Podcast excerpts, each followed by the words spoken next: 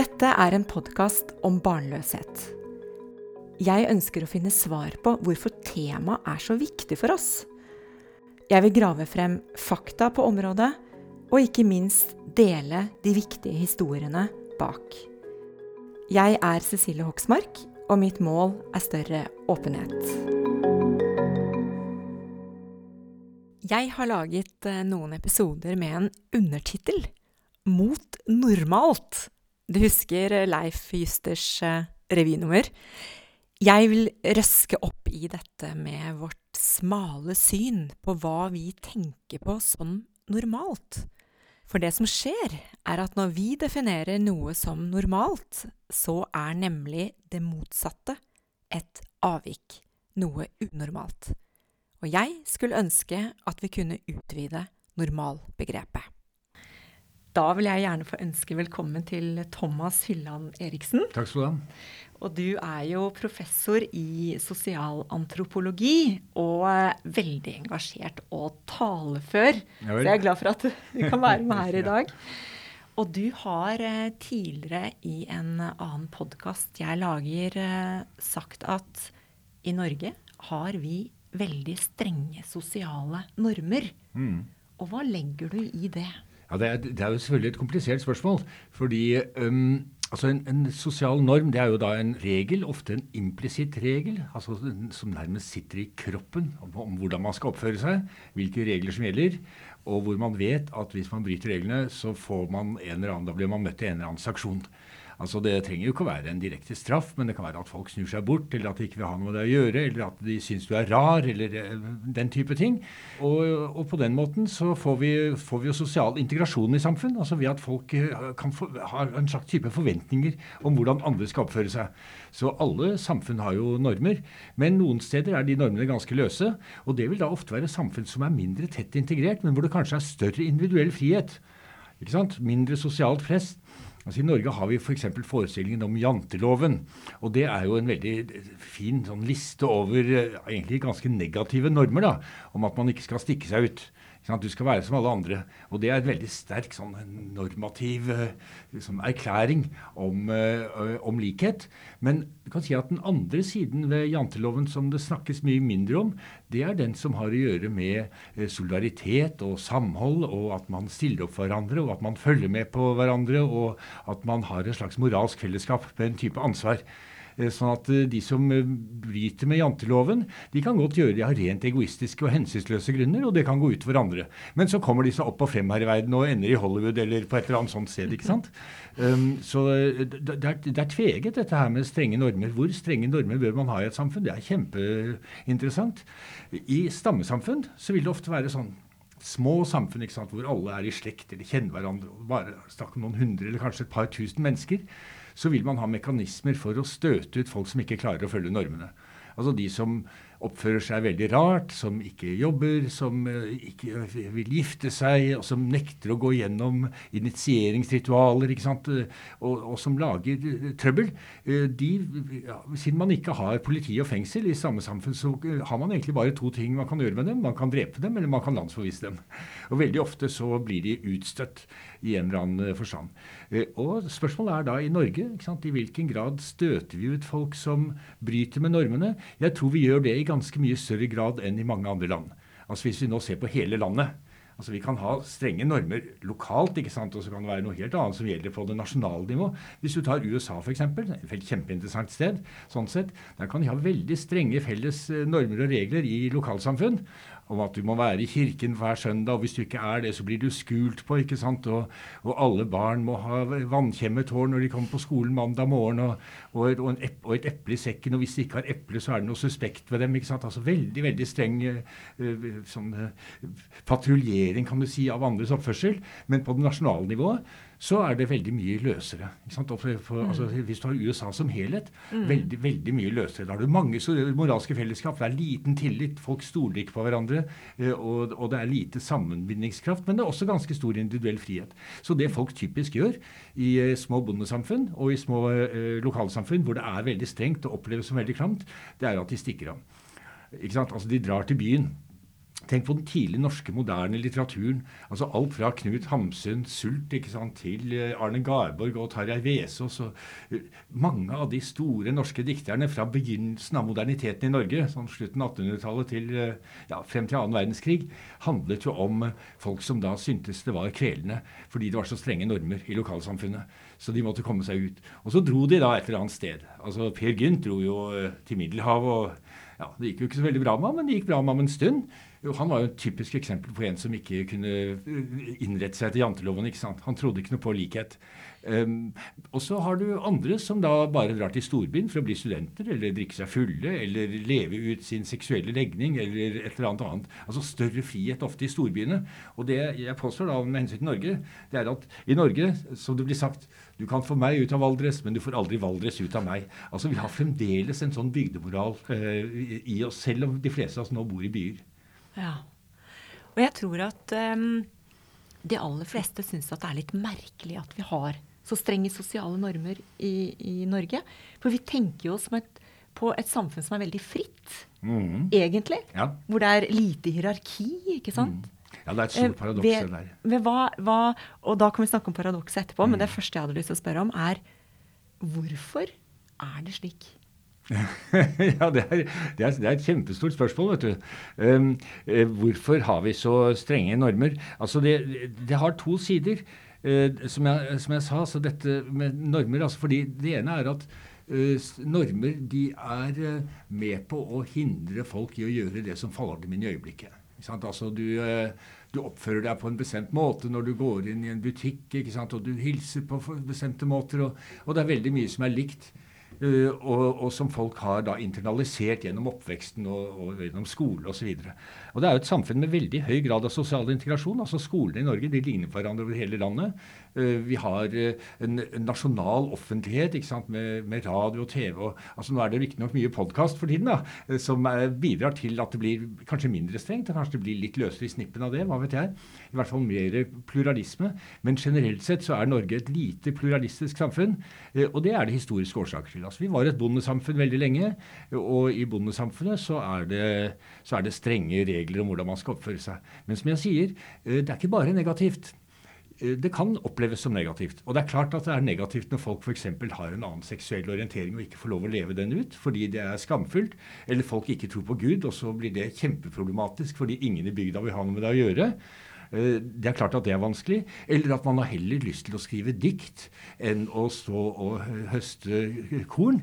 Eh, det kan være vanskelig. Hva er det med han der? ikke sant? Han er jo en gærning. Og, og, og så, som de sier på bygda, eh, avstanden mellom genialitet og galskap er veldig kort. ikke sant? Altså, han er en skrulling fordi han ikke er som oss.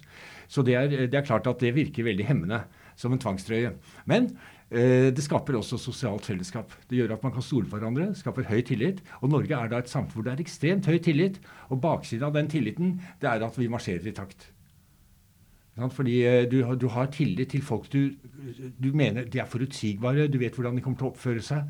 Eh, og de oppfører seg omtrent sånn som deg. Og da har du høy tillit til dem. Hvis de er veldig annerledes og du aner ikke hva som kommer til å skje, så blir du nervøs og usikker, eh, og du begynner å lage historier om disse merkelige menneskene som er så, så annerledes og som ikke passer inn. Mm. Så vi ser jo det der f.eks. i den såkalte integreringspolitikken overfor innvandrere, hvor innvandrere stort sett blir fortalt uh, i grunnen at uh, nå skal dere få det beste vi har å tilby dere, og det er retten til å bli akkurat sånn som vi er. Og hvis dere ikke er takknemlige, så er det bare too bad for dere. Eh, ikke noe snakk om at eh, her skal de 100 blomster blomstre, og hvis folk har et annet slektskapssystem, eller oppdrar barna sine på sin egen måte, eller tilbe sine guder på måter som vi syns virker veldig fremmedartede og rare, så er det helt fint. Det er det veldig lite snakk om. Når man sier integrering, så mener man stort sett minoriteters plikt til å bli som nordmenn. Kan du utdype litt når du mm, snakket om eh, årsaken til eh, strenge sosiale normer? Så nevnte du at vi var et eh, bondesamfunn. Mm. Men det er det jo mange land som har vært. Ja, Men er det, er det, noe mer som ja, ja, da, det, altså, ja da, og det, du vil finne mange andre land hvor, hvor, det også er veldig strenge normer. Og du kan si at normene kan være strenge på forskjellige områder. Altså, det er jo ikke Eh, men I Norge så har vi ikke så veldig strenge normer når det gjelder kjønn, f.eks. Sammenlignet med mange andre steder. Altså Kjønnssegregerte samfunn det finner vi i middelhavsområdet og på begge sider av Middelhavet. Både den kristne og den muslimske delen. Så er det ganske annerledes uh, forhold mellom, uh, mellom kjønn. Uh, og når det gjelder seksuell orientering, altså homofili osv., så, videre, så, så har vi også ligget litt foran ganske mange andre land når det gjelder i hvert fall teoretisk sett å tolerere det. Så for all del, mange land har vært bondesamfunn. Men det jeg tror er ganske viktig å huske på med hensyn til Norge, det er at i hundrevis av år så var det slik at med unntak av Bergen så fantes det egentlig ingen byer her. Så folk bodde i småsamfunn hvor de holdt et øye med hverandre. Eh, og, og, det får du veldig tett sosial integrasjon av, men det skaper også gnisninger og friksjoner og konflikter fordi det er få sikkerhetsventiler. Og jeg tror det går an å si at vi har fremdeles tatt med oss mye av den moralen, den bygdemoralen, inn i byene. Fordi bykultur er såpass nytt.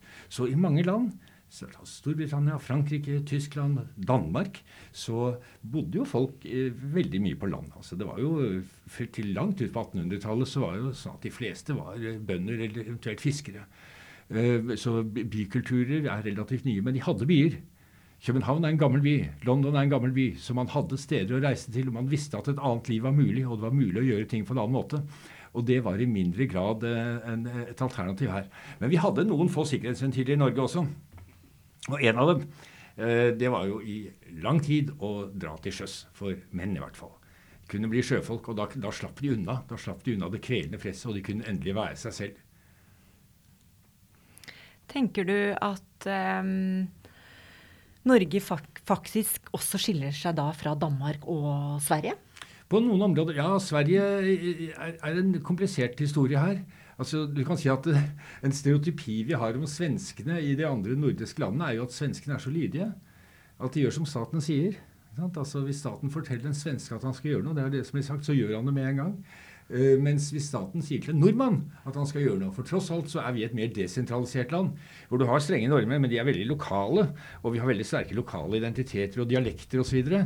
så hvis staten sier til en nordmann at han skal gjøre noe, så vil han først uh, bli rasende og skrive brev i, lesebrev i lokalavisen og arrangere demonstrasjoner og kjefte og smelle over middagsbordet. Og så gjør han som staten sier.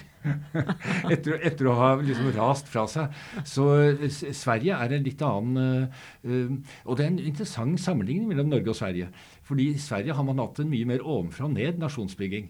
Sånn at det har vært lovverket, det har vært staten, det har vært myndighetene helt siden 1700-tallet. Sverige var veldig tidlig ute med moderne nasjonsbygging, som har fortalt folk hvordan de skulle oppføre seg. Tenk bare på hvordan det var under pandemien, altså hvor svenskene gikk sin egen vei. Eh, og gjorde ting annerledes. Og det var kontroversielt internasjonalt at det var så liberalt, og at de hadde så få restriksjoner. De fleste svensker syntes dette var ok. De hadde tillit. De hadde tillit til øvrigheten, til myndighetene. I Norge er det også stor tillit til myndighetene, men ikke i samme grad. Men i Norge tror jeg det går an å si at vi har større tillit til hverandre på lokalsamfunnet. Jeg har ikke noe data å underbygge dette med av kvantitativ art, men vi har jo en del antropologi da, som, eh, som, antyder at det kan være slik. Så på lokalt plan så er det høy tillit og høy grad av likhet og veldig mye sosialt press. Altså, tenk bare på hvordan vår tidligere statsminister Gro Harlem Brundtland snakket varmt om nabokjerringa det er jo et av hennes mange finnord som liksom har gått inn i, i, kulturen. da. Og vi skjønte akkurat hva hun mente. Nabokjerringa det er hun som står uh, i, vinduet og følger med ikke sant, på hva som skjer. Og vi mente at det var en veldig positiv ting, for det viser at vi passer på hverandre. Men det betyr også at det blir veldig lite slingringsmonn. Det blir lite rom for avvik når nabokjerringa alltid står i vinduet og ser hva du gjør. Du, hva, hva tror du en uh, franskmann eller en tysker ville tenkt om denne nabokjerringa? Ville, altså, jeg tror de, mange vil, de ville nok oppleve det som nokså nok kvelende. Altså Litt avhengig av hvor de kommer fra, men uh, i store og hele uh, hvorfor kan man ikke gjøre som man vil? Uh, altså Jeg kjenner jo da f.eks. innvandrere som, som har sett på denne, disse statsborgerritualene som man har forsøkt seg med enkelte steder i Norge. altså Hvor man skulle ha en slags seremoni når folk blir statsborgere, for å gjøre det litt høytidelig, med ordføreren i rådhuset og den type ting. Og så har de sett på liksom, oversikten over eh, ja, hva det er de skal på en måte være lojale overfor da, når de skal være norske. Og det er mange som føler at det der det er ikke meg. ikke sant? Jeg kan ikke identifisere meg med det. Så det er veldig mye som er implisitt. Og det er, det er, da normene virker sterkest. Det er når du ikke vet at de er der engang. Men du merker det bare når noen bryter med dem. Og da eh, blir det rabalder. Eh, så eh, det er, tror jeg gjelder generelt altså for normer. At de, det er når vi tar dem for gitt, Og de blir det vi kaller naturalisert. altså De blir nærmest naturlige. Det er jo sånn det er. Dette er ikke noe spesielt, dette er ikke noe uvanlig. Det er sånn vi alltid har gjort det her. Eh, at eh, Det er da de virker sterkest. Altså En sånn ting som Vinmonopolet. ikke sant? Eh, det er en snodig institusjon etter alle disse årene. Virker litt anakronistisk. Sånn mellomkrigstiden. Men ja, jeg tror det er stor oppslutning rundt Vinmonopolet, for det har jo alltid vært sånn. Og så syns folk det er litt rart da, når de kommer til Danmark og kan kjøpe liksom en uh, Smirnoff på bensinstasjonen. er sant? Vi snakket så vidt i sted om uh, dette paradokset.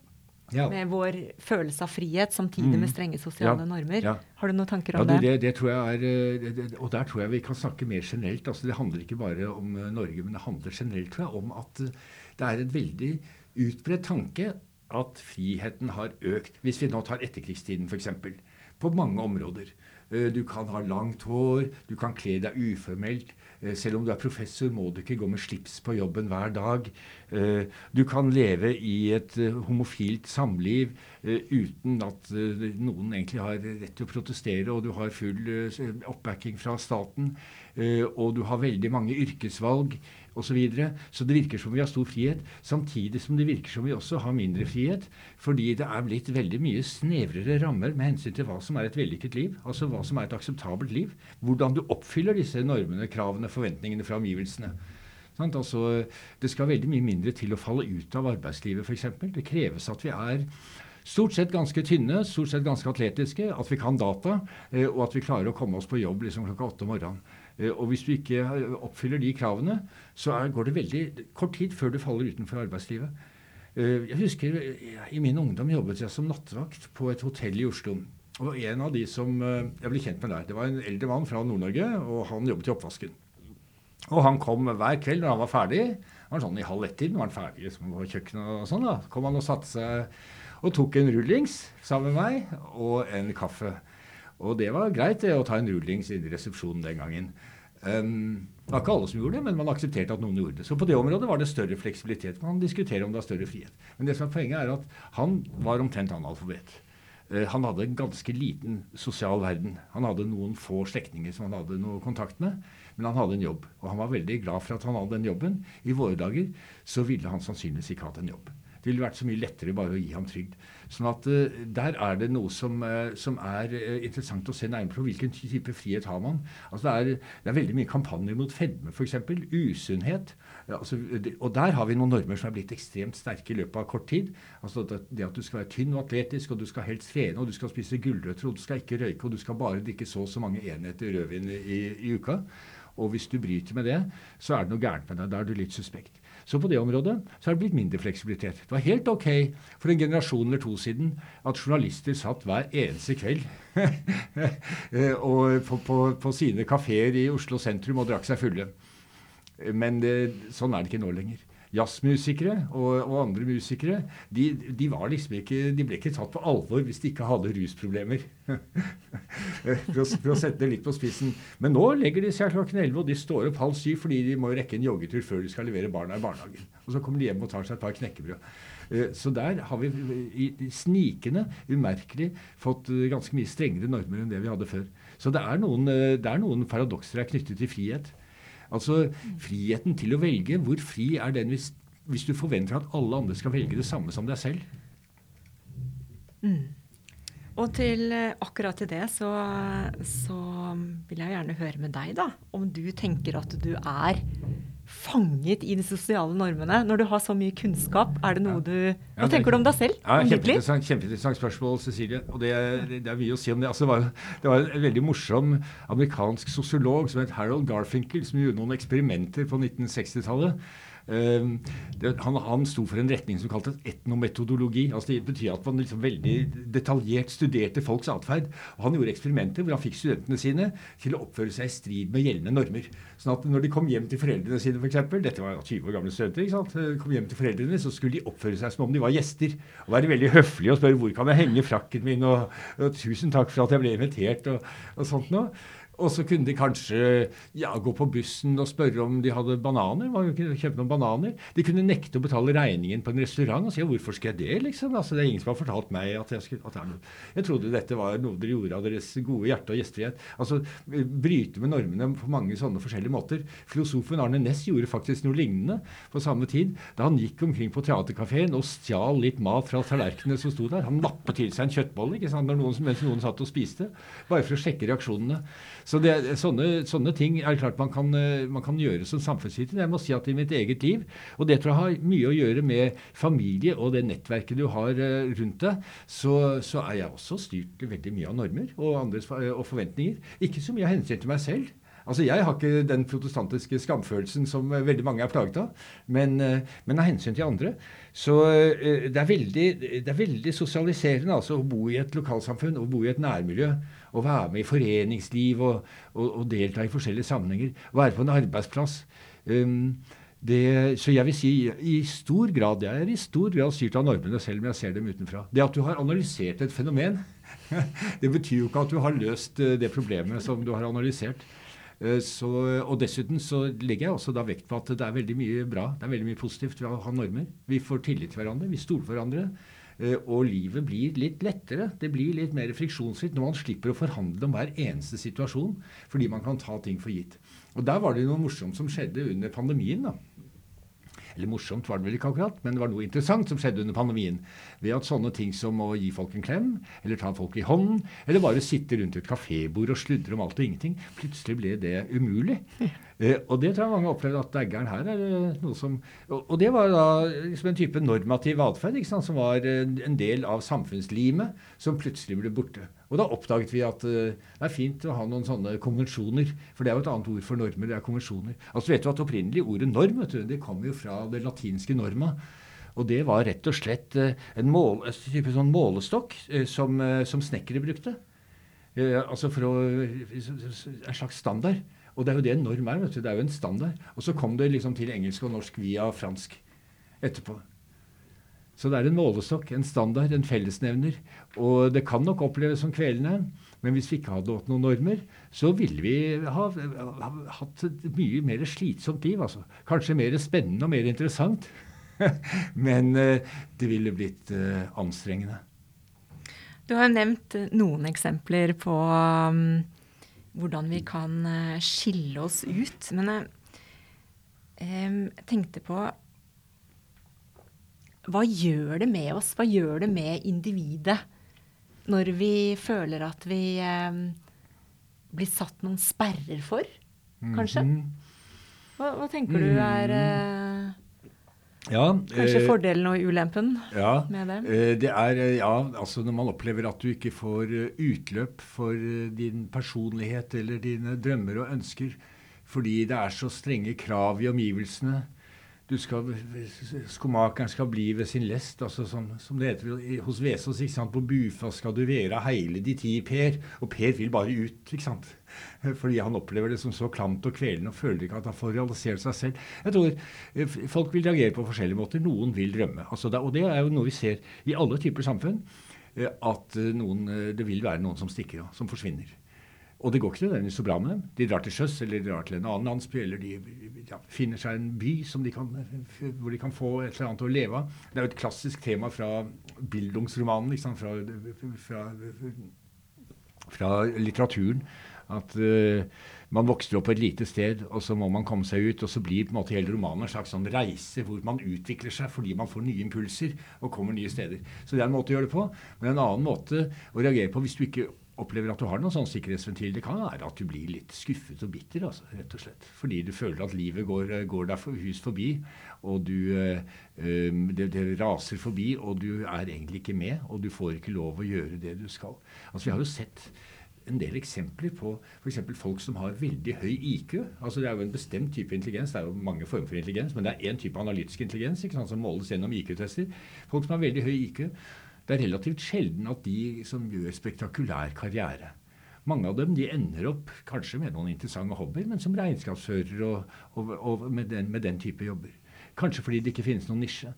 Og, og, det er noe av det som kanskje er et problem i samfunn som er veldig strengt regulert av normer. Det er at, de, at det finnes få av de nisjene.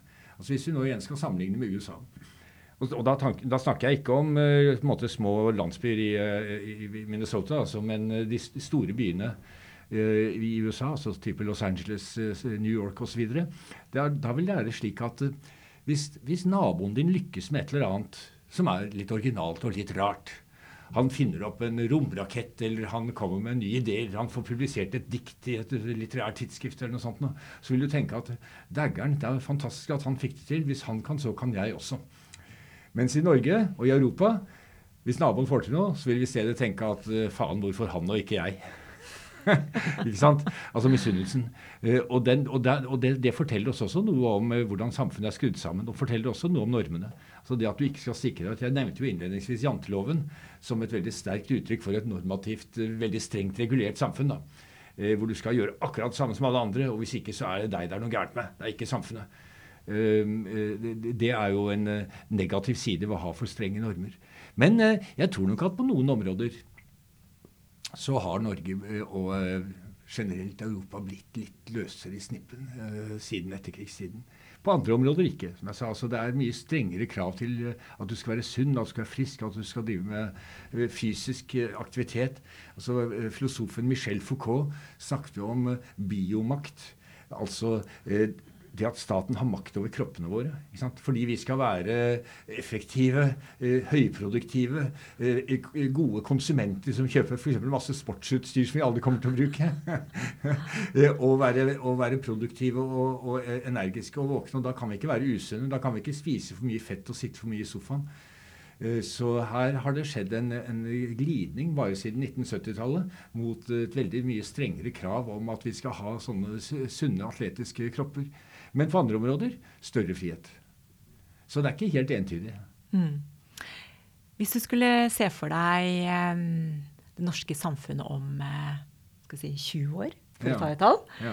hvordan tror du vi ser på sosiale normer da? Har det skjedd noe? Nei, jeg tror det vil være omtrent som nå. Eh, og en av grunnene til at jeg sier det, det er at uh, det har skjedd ganske store forandringer i Norge uh, ja, de siste la oss si 30-40 årene. vi er blitt veldig mye rikere.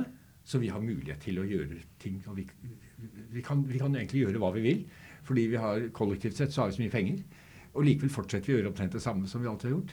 Uh, vi har en helt annen befolkningssammensetning. altså Nå har vi nesten én million mennesker med minoritetsbakgrunn fra Øst-Europa, Midtøsten, Afrika og, og, andre deler av verden. Uh, uten at det ser ut til å ha påvirket norsk kultur i noen særlig grad. Jeg husker da innvandrerne begynte å komme, jeg gikk på gymnaset, som det het den gangen, på slutten av 1970-tallet, så var det folk som da var kjempebekymret for hvordan dette ville ødelegge norsk kultur. Fordi vi ville til slutt alle liksom måtte gå rundt i burka omtrent. Eh, og det ville ikke være mulig å få bacon på restauranter. og og øl øh, ville være alkoholfritt. Det skjedde jo ikke. altså Jeg tror ikke at de fleste nordmenn føler at de er blitt veldig preget av innvandrernes kultur. Tvert imot så har mange av innvandrerne og deres etterkommere blitt veldig norske. Altså, de, er, de er mye norskere enn det mange er klar over. Fordi man ser bare forskjellene, man ser ikke likhetene. Men de merker det selv når de kommer hjem. Hvis de drar til sitt opprinnelige hjemland, f.eks. Pakistan, så føler de seg mange som veldig norske. Sånn at Derfor sier jeg at det er, det er en treghet her. Vi ligger i utkanten av verden. Vi er ikke så veldig mange mennesker. Og vi har en sterk stat.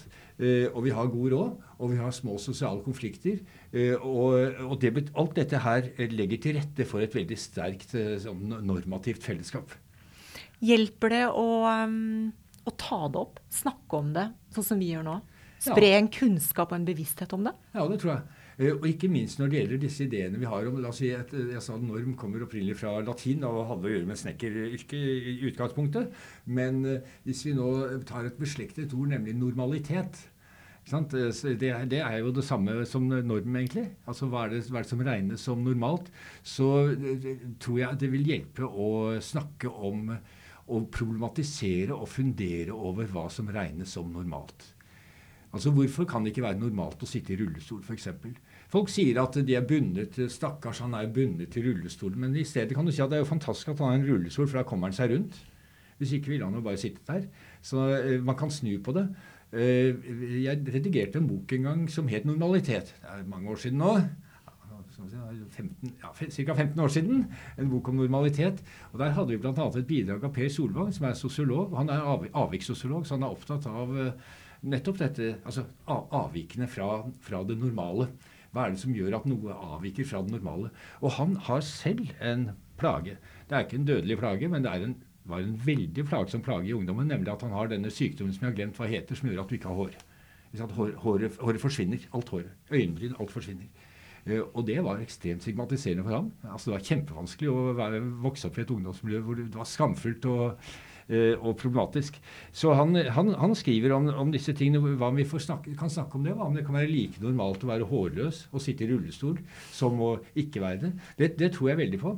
Eh, for hvis ikke så ender vi med å ta det for gitt eh, at alle er som oss. Og da ender vi f.eks. opp med å få offentlige bygninger hvor det ikke er universell adgang, altså universal access, altså hvor det er umulig å komme inn hvis du har rullestol.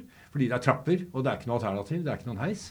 Og, og vi risikerer å støte ut en masse mennesker fordi vi tar for gitt at alle er eh, som oss. Så jeg tror absolutt at eh, det å ha litt større åpenhet rundt dette, og diskutere litt andre måter å leve livene sine på, eh, og at det kan være berikende, og at vi kanskje etter hvert kan prøve å komme i retning av det ville være fint, syns jeg. Et samfunn hvor vi har et fellesskap fordi vi er forskjellige, og ikke fordi vi er like.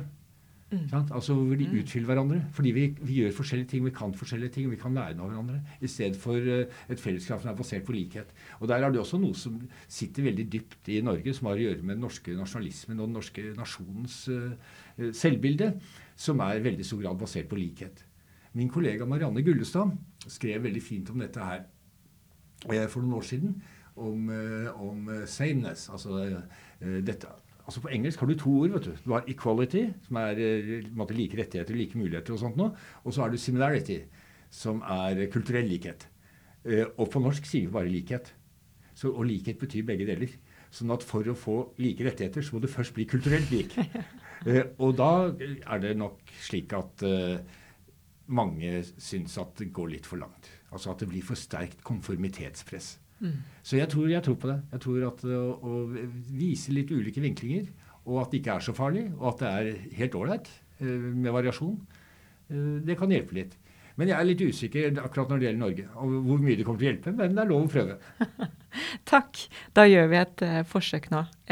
Stor takk for at du ja. Eh, hadde lyst til å bidra i podkasten. Ja, takk skal du ha. Jeg var veldig Jeg, jeg, jeg brøt ikke noen normer nå, vet du. Jeg, jeg sto nå her med mikrofonen og snakket høflig med deg og, og gjorde ikke noe ablegøyer. Og jeg bannet kanskje én gang, men det var ikke sånn veldig stygt banneord. Det tar vi bort. ja, det gjør vel det. Av hensyn til lytterne, ja. Lytternes sarte ører. Men man kunne jo gjøre andre rare ting. Men, men, det som også skjer, det har jeg lyst til å si helt til slutt, det er at det, i veldig mange samfunn hvor det er en veldig sterk sånn, kulturell integrasjon, altså folk på en måte har veldig mye av det samme innabords, så er det også veldig tydelige regler for hvordan man bryter normene. Altså det er normer for hvordan du bryter normene. Når du er på Ibiza med vennene dine, så er det visse ting du skal gjøre. Du skal danse naken på bordet, og du skal sånn og slik, ikke sant. og, da, og russen har jo sin måte å bryte normer på. Og det er det samme hvert år. Og alle vet akkurat hva de skal gjøre. De har strenge regler for hvordan de skal være rampete og uskikkelige. Så det, da, da, kan du si at da har, da har, samfunnet virkelig fått det til. Når til og med de som prøver å være avvikere, er nødt til å følge regler for hvordan man er avviker på en effektiv måte. Ja. Tusen takk, Thomas. Selv takk.